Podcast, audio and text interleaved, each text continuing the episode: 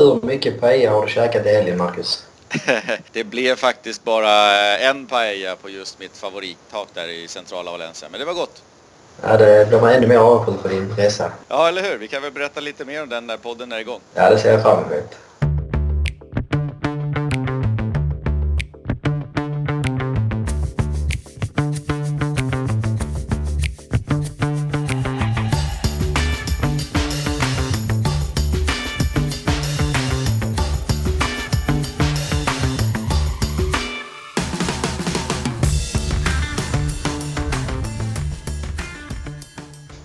Sådär, välkomna till avsnitt 6 av Valencia-podden med mig Marcus Timonen och Niklas Hermansson. Allt väl sen senast?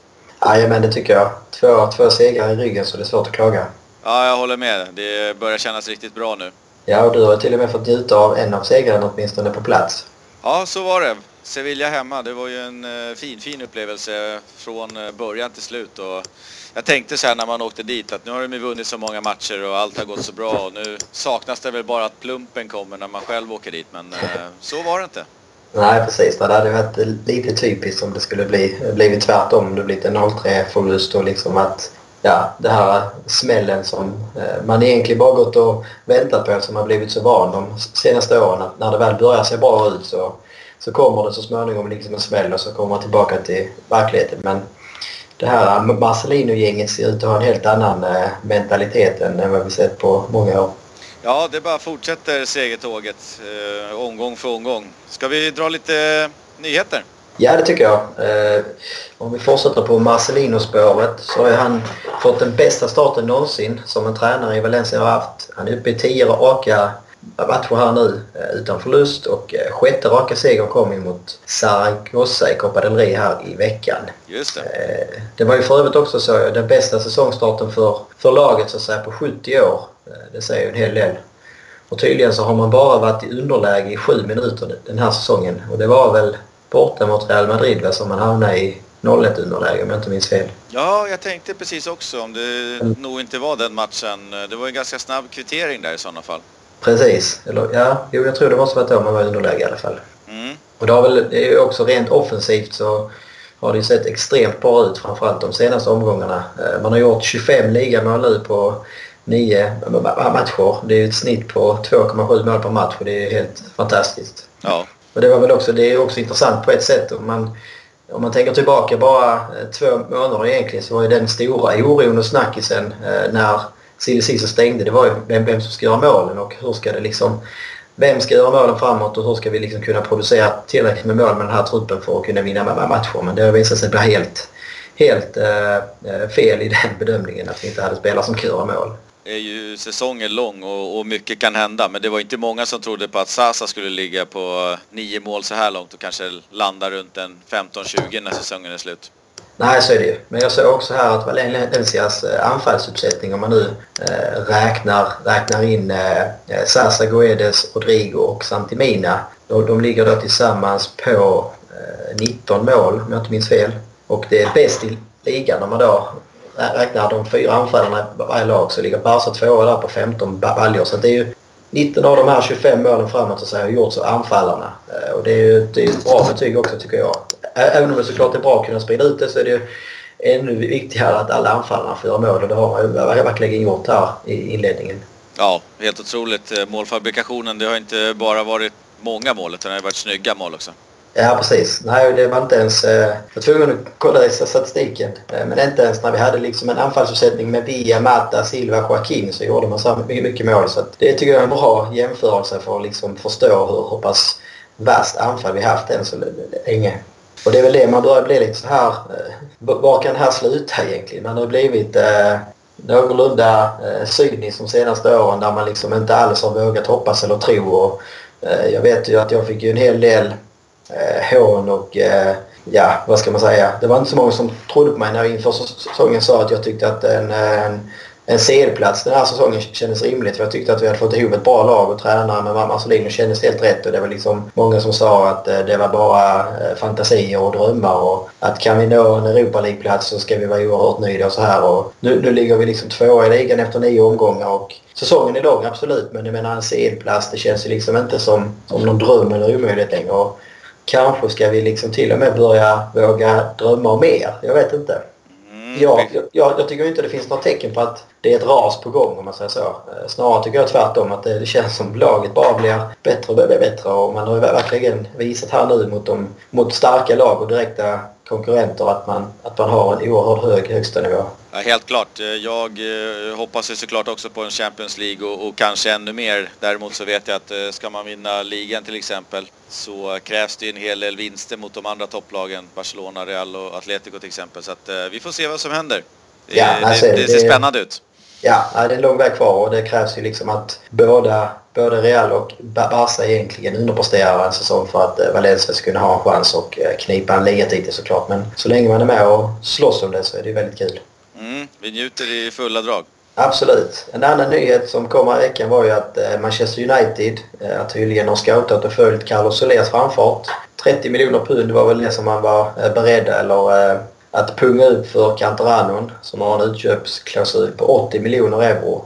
Han signerade ju, eller uppdaterade sitt kontrakt där förra säsongen så det går ut 2021. Mm. Så det, där är ju liksom ett, där är ett glapp mellan Uniteds eh, prislapp och vad Valencia har för utköpsklausul. Så det känns väl kanske inte helt eh, rimligt att, eh, att Soler kommer att lämna inom en snar framtid i alla fall. Det är ju så. Det enda som kan vara lite sådär är att när en klubb som United kommer så betalar de, ja vad kan 300 miljoner pund vara? Det är väl nästan 450 miljoner euro. Det är väldigt, väldigt mycket pengar för Valencia samtidigt som jag kan tänka mig att Soler får en åtminstone trippellön då. Så det är väl eh, det man kanske kan vara sugen på. I övrigt så, så är han säkert väldigt nöjd i klubben just nu och med, med hur saker och ting går. Ja, nej, men det är så. Det, ska, alltså, det är klart att det, det är kanske svårt när en eh, liksom, sån pass eh, stor förening och eh, historisk klubb som United knackar på dörren och allt vad det kan innebära att prova spel i en annan liga och så här. Men samtidigt så vet han ju vad han har i Valencia. Här är han ju en stöttespelare och eh, spelar från start varje veck vecka och kommer ju säkerligen vara aktuell för eh, landslaget också de kommande åren om man får fortsätta så här. Så det är ju det är en ganska hög risk och vi vet också att det är liksom en riktig Valencia så från början som har stått i klacken på Mestalla och växt upp i klubben. Så att eh, så länge han, han ser liksom att klubben är på väg mot den riktningen som han just nu så hoppas jag att han eh, stannar. Det var väl ett lite snabbt nyhetssvep. Ska vi komma över på Eh, vi har ju två matcher att gå igenom här sen sist. Mm. Valencia-Sevilla gick ju inte av för hacker. Eh, 4-0-seger och, och tåget fortsätter och det som var väl mest anmärkningsvärt tyckte jag var att de eh, höll nollan nu igen efter ett par matcher med några insläppta mål. Jag tror att Marcelino om inte annat var väldigt nöjd med det och jag läste en artikel i Marca som sa att de som känner Marcelino vet att de har jobbat i timtals på Paternan för att Eh, komma åt eh, problemen de har haft eh, med att släppa in mål. Och nu såg det bra ut.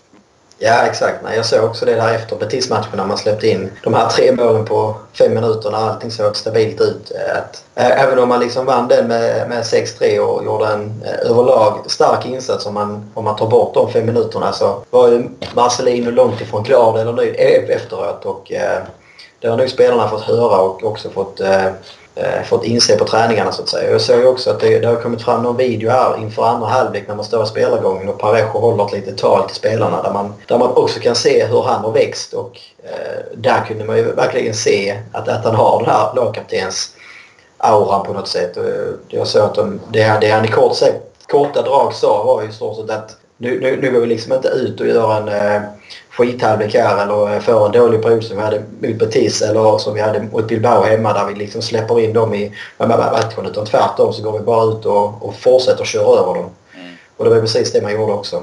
Ja, så var det. Marcelino benämnde ju också första halvleken mot Sevilla som eh, nästintill perfekt. Eh, att de inte kunde ha presterat bättre mot ett så bra lag som Sevilla.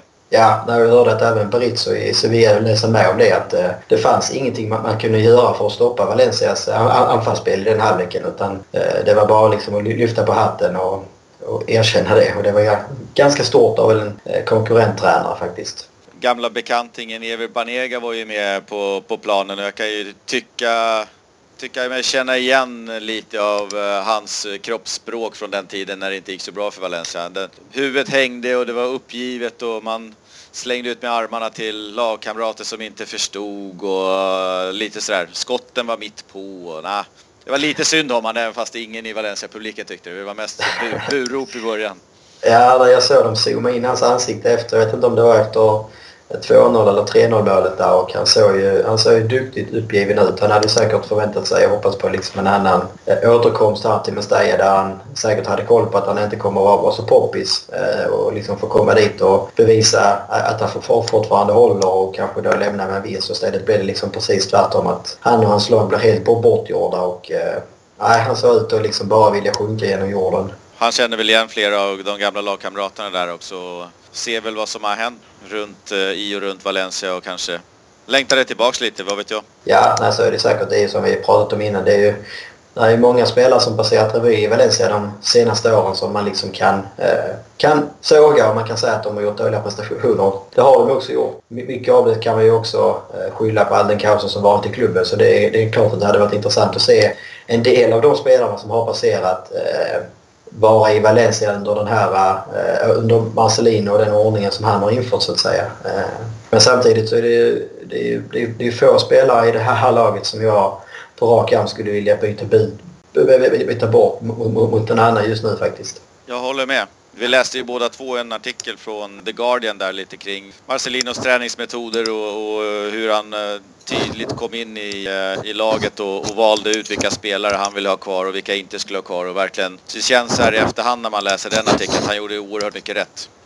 Ja, nej men det är ju det är som det står i den och som, vi, som jag tror att vi har haft upp innan också att eh, Parejo hade ju i stort sett bestämt sig för att lämna. Eh, han var ju trött på kaoset och eh, han har ju också fått höra lite extra kanske från fansen eftersom han har bärt kaptensbilden och många som inte varit nöjda med, med, med det valet eller hans uppträdande med den bilden så att säga. Men att det var ju liksom ett ett möte med Marcelino i stort sett så, så kände han ju liksom att jag vill inte var utan eh, den här möjligheten att få träna under Marcelino i Valencia. Det är, det är ett väldigt bra betyg.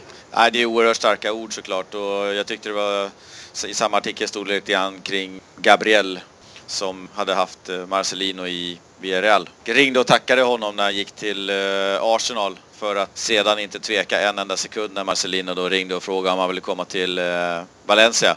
Och då hade han ändå tyckt att tränaren var en riktig eh, citat pain. Ja, just det. Med sina metoder och hur, hur, de, hur lite de får äta sådär. Ja, nej, men det är ju det är många som pratar om den här närmast militär disciplinen i, i, i fysikträningen och i, i, i vikten. Eh, jag såg, det var ju det som var lite huvudtemat i den här Guardian-artikeln som, som var väldigt, väldigt, väldigt bra. Det var ju liksom att Valencias hunger är tillbaka. Både liksom rent fysiskt och då som en metafor på något sätt. Att eh, Parejo sa ju liksom att de första veckorna med Marcelino så eh, så gick man hungrig men man, man vågade inte äta riktigt för att de hade liksom så hårda eh, Eh, mätningar med deras kroppsvikt och hade man över 9,5% i kroppsfett tror jag det var så då fick man inte spela helt enkelt. Det var liksom ingen, eh, ingen pardon där. Jag kan tänka mig att i Valencia de senaste åren eh, och i andra lag som kanske inte går så bra nu att det, det är lite si och så med dieten att man, man har inte den hårda regimen och, och jag, jag, kan mycket väl tänka mig hur jobbigt det är att följa eh, det här och hela tiden bli, bli mätt och monitorerad och, och sådär och sen kanske det kan vara värt allting när man får lite framgång. Men, men fortsätter motgångarna då är det ju tufft alltså. Ja, nej så är det ju. Och det är väl också intressant att alltså framförallt på den här nivån där det är så väldigt små marginaler som avgör liksom mellan succé och, eh, och totalt kaos om man säger så är det ju det är, det är, det är de här små procenten som du kan få ut av att du, du kanske tappar något, något kilo. Och, vad jag förstod så hade ju hans fysiska team gått igenom varje spelares profil inför säsongen och då fått fram värden, vad som är perfekt eh, kroppsfett och vikt och allting sånt här för, för varje spelare för att han ska vara i toppform. Och då liksom se till att man, att, att, att man ligger på den, den nivån hela tiden. Det, det är de, det är, jag tror det är sådana små detaljer och de små procenten som i det stora hela gör mer än man tror. Jag tror inte att vi kommer se Parejo eh, rökandes på fyllan på någon fest den här säsongen. Nej, det är nog slut med det. Då spelar han inte många minuter till efter det i så fall.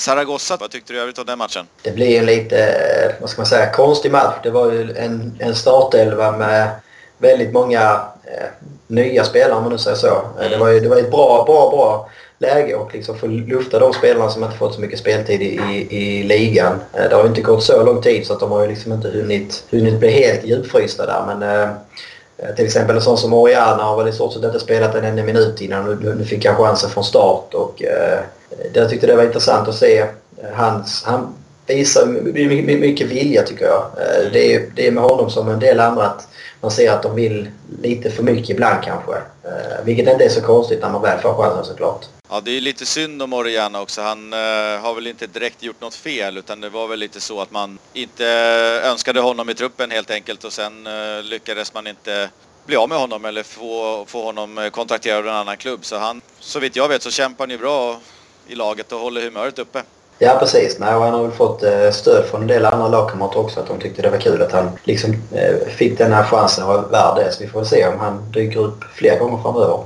Ja, vi hoppas på det. Det var ju en eh, forward som inte blev av i, i värvningsfönstret som var utlovad av ledningen och det var väl tanken att den forwarden skulle ersätta bland annat Orellana. Så vi får väl uh, hoppas att han håller humöret uppe och kan bidra om det nu skulle behövas i, med skador och avstängningar. Ja precis. Annars så var väl den stora snackisen här inför kopparmatchen.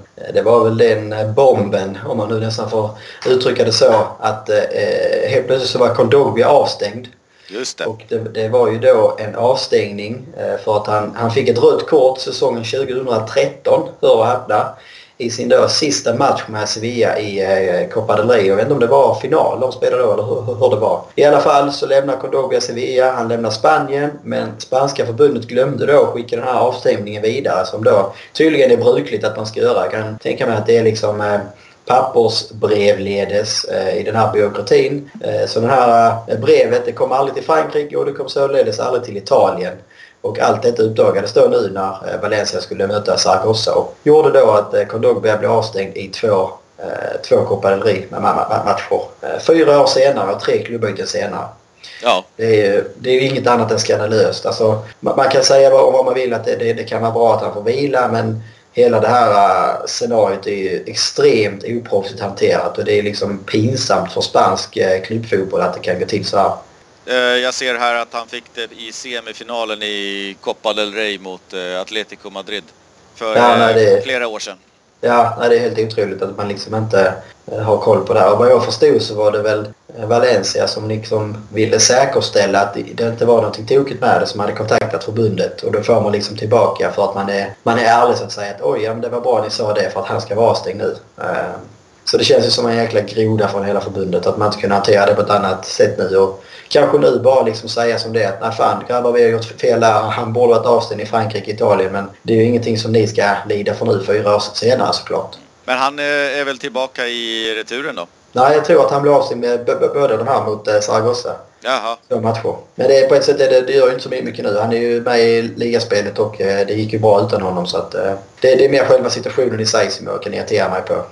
Ja. Ja, nej, men det är ju alltså om vi ska summera den här Copa del Rey-matchen så blev det ju en helt perfekt match tycker jag för Valencia. Man fick luta bänken och spela med spelare som inte fått chansen och man fick vila liksom andra spelare som spelat en hel del. Och man gör två mål framåt, anfallare gör mål och försvaret håller tätt bakåt än en gång. Så det, det finns liksom inget att, att, att klaga på. Nej, det var lite trögt kan jag tycka sådär och, och det kan jag förstå också. Eh, första halvlek, sen slängde de in Rodrigo Guedes och det var någon till de slängde in och det började hända lite grejer och då kom ju målet eh, ganska snart efter det.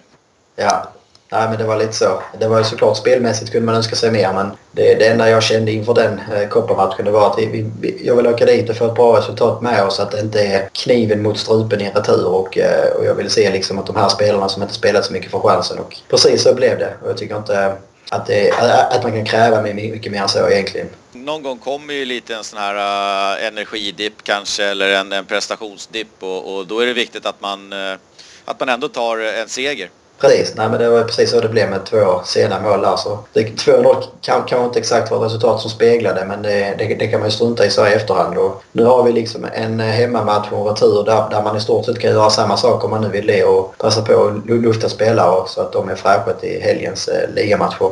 Jajamän, så var det med det. Vi tar väl och uh, avslutar det första partiet av podden här.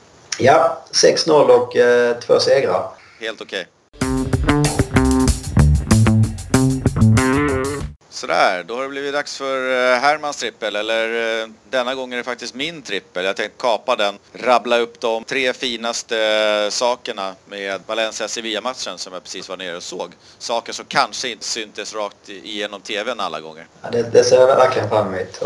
Ja, jag radade upp de tre eh, sakerna i ordning också. Så vi börjar med nummer tre och då skulle jag vilja framhålla bussmottagningen innan matchen och stämningen runt arenan innan matchen. Det var riktigt trevligt. Vi kom dit en två, två och en halv timme före match och tog någon pilsner utanför arenan och käkade lite mat där och umgicks med med andra supportrar. Det var väldigt uh, uppluppen och glad stämning och när bussarna rullade in så var det ju en visselkonsert utan dess like när Sevilla kom och de sedvanliga Sevilla-nidramsorna och sen när Valencia kom där så gick det bara över i ett uh, stort, stort jubel och massvis ramsor. Jag vet inte vad det kan ha varit, det kan ha varit 5000, det kan ha varit 10 000, det är väl svårt att räkna men det var helt bystat på den gatan och runt torget. Ja, nej, jag såg ju bara några korta eh, filmsekvenser som ja, dels som du, du la ut på det är lite annat som cirkulerar på Twitter och det är liksom gåshud bara att se det i sin mobilskärm. Så då, då, då, kan jag inte ens föreställa mig hur det känns att liksom stå där på plats och uppleva det. Exakt och det var ju som nästan alltid i Spanien också, vädret var ju med, det var ju strålande sol och jag hörde faktiskt några andra svenskar där på Bar Deportivo precis vid hörnet där, det satt några vid ett annat bord. Jag pratade inte med dem men jag, såg, jag hörde att de satt där. Ja, det är väl kul att det, det är kanske till och med några lyssnare till Valencia-podden. Ja, man vet aldrig.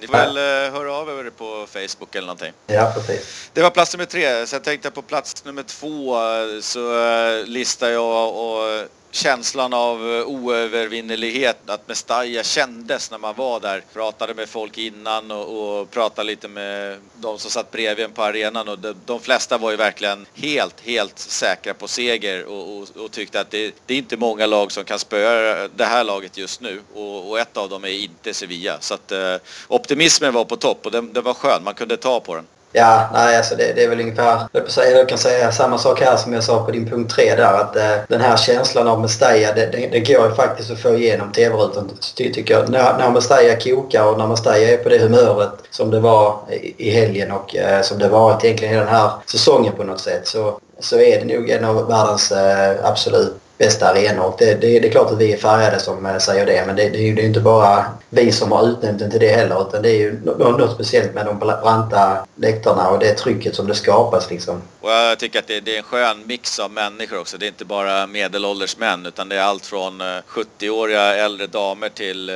till unga killar och, och gamla gubbar. Alla möjliga är på plats. En skön mix. Ja, just det här att på något sätt eh, sången är ju tillbaka till på Mestalla också. Det har varit lite så de senaste åren känns det som när det varit lite bråk mellan eh, de här supportergrupperna och klubben och det har varit lite strejk hit och dit och det har varit eh, vita näsdukar mer än det har liksom varit sånger. Men nu, nu är det ju det Mestalla som man känner igen från början av eh, 2000-talet och eh, det är väl det som fansen också känner nu på något sätt att eh, hela, hela stämningen runt arenan i staden före, under och efter matcher det är liksom, ja det, det är någonting stort på gång och man har väl gått nu här i sju, åtta år och bara längtat efter att det ska bli så här igen.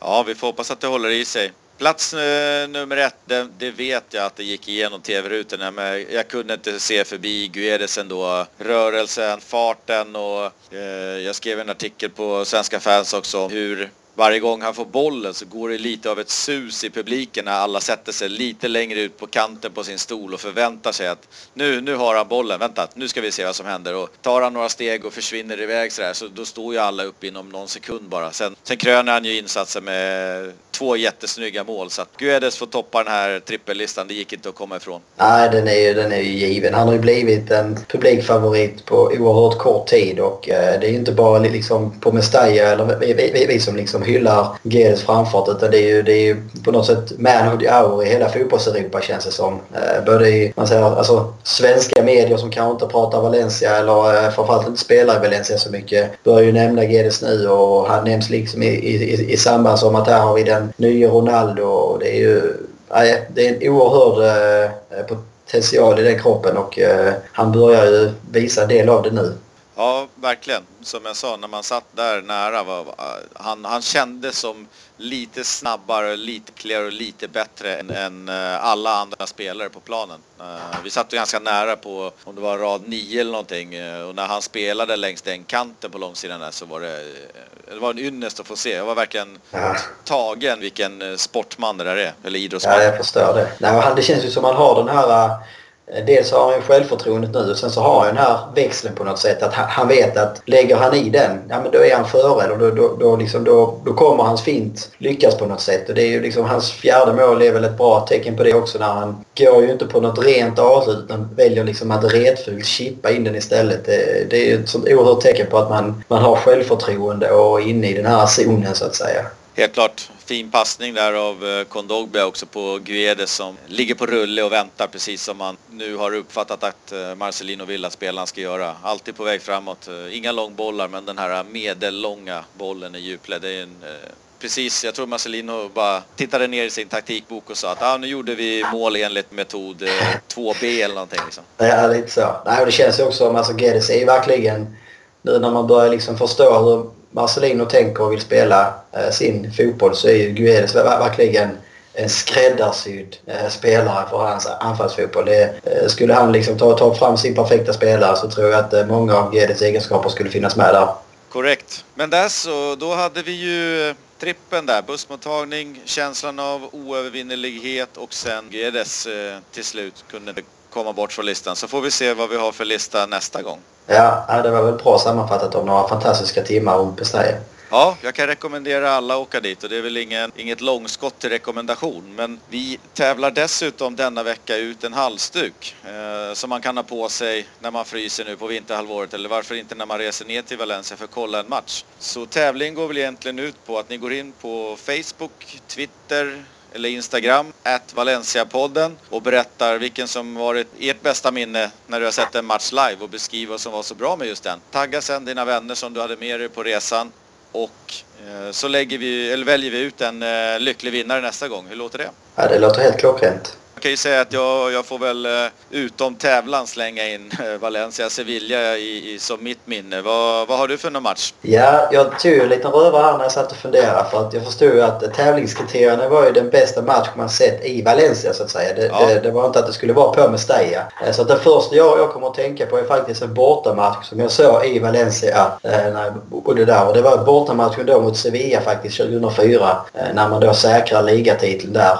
Framförallt så är det kanske efterspelet som jag aldrig någonsin kommer glömma. Det var ju liksom eh, fest i staden 72 timmar i sträck och det var det verkligen i sträck. Det spelade ingen roll om du gick ut på stan 10 på kvällen eller eh, 7 på morgonen. Det var liksom fest på gator och det var bilar som tutade. Och, ja, det var helt, eh, framförallt det första dygnet därefter, slutsignalen nere i Sevilla var helt galet. Mm. Och match, ja. alltså den, en match på Mestalla som jag kommer på sådär direkt, det är väl ingen två som jag för på den här tiden. Den ena är semifinalen i Uefa-cupen samma säsong hemma mot Villarreal eh, där man då säkrar finalplatsen. Dels så är det då ett derby och dels så är det ytterligare liksom att få spela en, eh, en europeisk final igen och man då löser den eh, pucken och eh, blir klara för finalen då på Ullevi mot eh, Marseille var det väl i finalen. Nej, det där, de matcherna går inte av för några hacker och jag är helt säker på att det finns flera härliga Valencia-minnen att berätta. Så in på Facebook, Twitter, eh, Instagram och berätta för oss så drar vi en vinnare i nästa program och berättar hur ditt minne var från den matchen. Ja, det ska bli sjukt spännande att se alla bilder och minnen som folk har. Ja, vi får hoppas att det är många som vill vara med. Jag kan ja. berätta att halsduken, det finns eh, en vit eller en orange att välja på med Valencia-märke och, och Valencia-text. Så det där är fina grejer. Ja, det är svårt att få tag på här uppe. Ja, då så. In och kör, in och berätta så uh, återkommer vi nästa avsnitt. Japp. Då har vi nästa match redan på lördag den 28 oktober. Bort borta mot Alaves. Vad har vi om den matchen? Ja, nu kommer vi in i en period här där det då på pappret åtminstone väntar tre lite enklare lag om man nu får uttrycka det så. Eh, först har vi Alaves här på lördag som sagt. Eh, sen är det då Leganes hemmaomgången efter. Leganes kanske man då inte ska kalla ett enkelt eh, lag att ställas mot. Det är väl höstens stora överraskningslag i, i ligan än så länge. Jag tror de parkerar på femte plats nu. Och sen omgången efter är det då Espanyol och efter de här tre eh, omgångarna så väntar då förmodligen seriefinal mot eh, Barca hemma på Mestalla den eh, 26 november. Så att det vore oerhört skoj om, om laget kunde göra det man ska ha nu de kommande tre omgångarna och ta full pott för att sen liksom inför ett kokande Mestalla ta emot Barcelona och kanske ha möjligheten att gå upp i serieledning. Ja, det vore ju drömmen såklart att fortsätta inneha andra platsen och kanske med seger kunna utmana första platsen mot Barcelona. Men eh, ja, vi får se. Alla en match i taget. Ja, ja en match i taget. Alla väst eh, först och där får vi väl se hur det går. Ja, nej, det är väl det stora frågetecknet inför den här matchen har varit då Parejo som är avstängd. Eh, nu verkar det som det blir en ganska så eh, given ersättare där med Soler som, som går in på innermittfältet och tar ett steg in så att säga från kanten. Eh, han gjorde ju samma sak när Kondogbia var avstängd och det fungerade ju bra. Och eh, enligt vad eh, Superdeporter rapporterar idag så kommer det bli 10 byten jämfört med startelvan i, i, i cupmatchen. Och eh, det ser väl ut att bli då, om vi börjar bakifrån den startelvan som ser ut att starta så är det Netto, Montoya, Garay, Morio, Gaia i backlinjen. Guedes, Kondogbia, Soler, Pereira på mittfältet och Sasa Rodrigo i anfallet. Så det är väl inga större överraskningar egentligen utan det är väl de här, eh, de här 11 Undantaget då Paria kanske som har startat de, de flesta ligamatcherna på slutet. Ja, det var ju spännande. Vem var det som blev kvar då? då?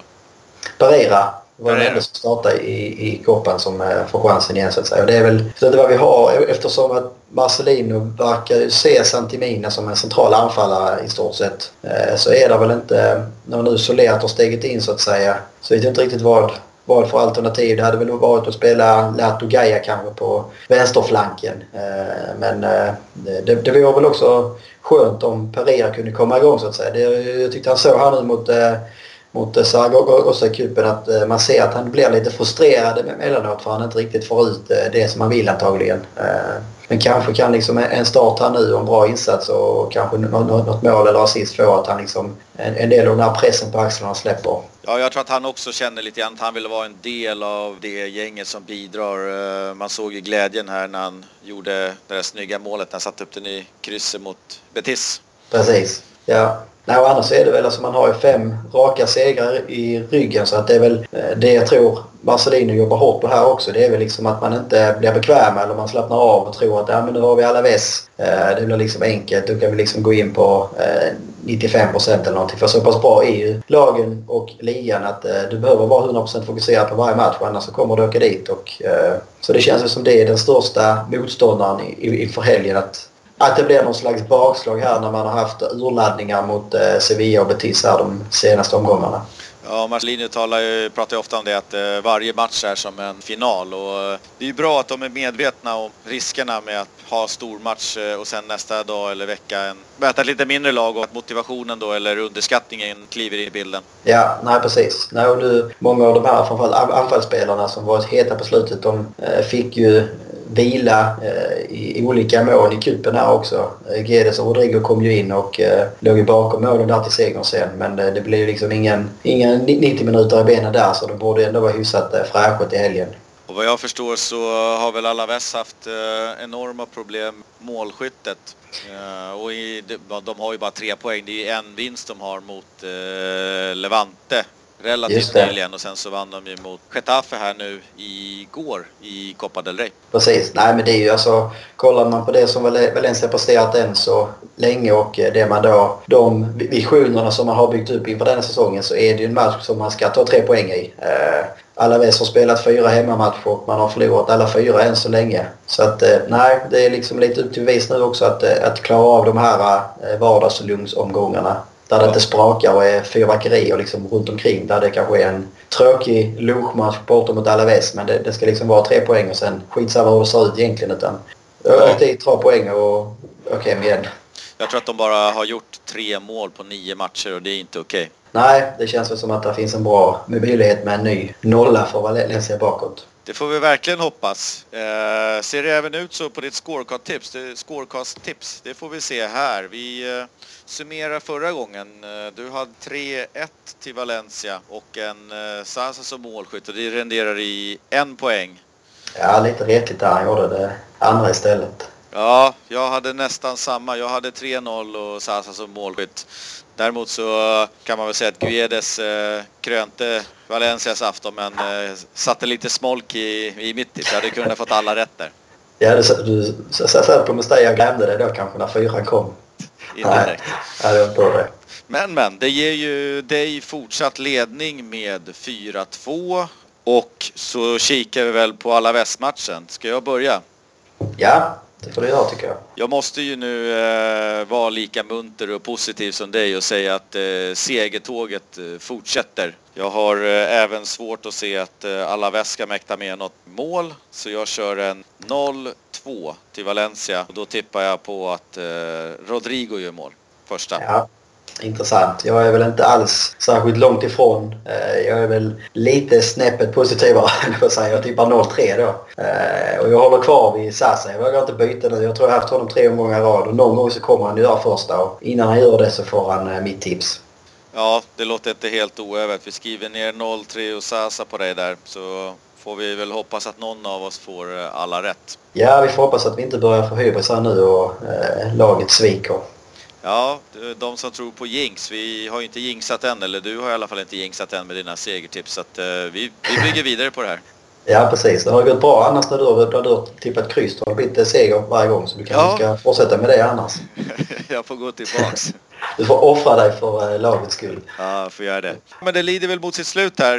Eh, Som vanligt, Facebook, Twitter, Instagram, in där, prata med oss, ställ frågor, kom med glada tillrop. Vi finns på mail, valenciapodden at gmail.com. Nu finns det även en eh, tävling att vara med i om du har varit och sett en härlig Valencia-match någonstans. Så in och berätta om den. Skicka gärna upp bilder, tagga dina kompisar så har du säkerligen en väldigt, väldigt god chans att vinna halsdukar. För vi är inte överösta av eh, kontakt med lyssnare. Men det ska säkert bli bättre nu. Just det. Och nu såg jag att eh, nu finns det även på Spotify. Så Mm. det finns även möjlighet att höra podden via Spotify alltså. Exakt. Lite Det är, skoj. väl, det är väl där många lyssnar på musik så det är bara att styra in på podcast istället så, så finns det nog med. Exakt. Det är väl det närmaste eh, att bli publicerad på Spotify som man nå- någonsin kommer att bli dessutom. Ja exakt, jag har ingen musik, musikkarriär så att eh, jag, får vara nöjd här nu. Ja, precis. Det kan man nog inte anklaga mig för heller. Nej. Ja men då så. Till sist så får vi väl eh, tacka från oss med ett sedvanligt hasta luego. Hasta luego.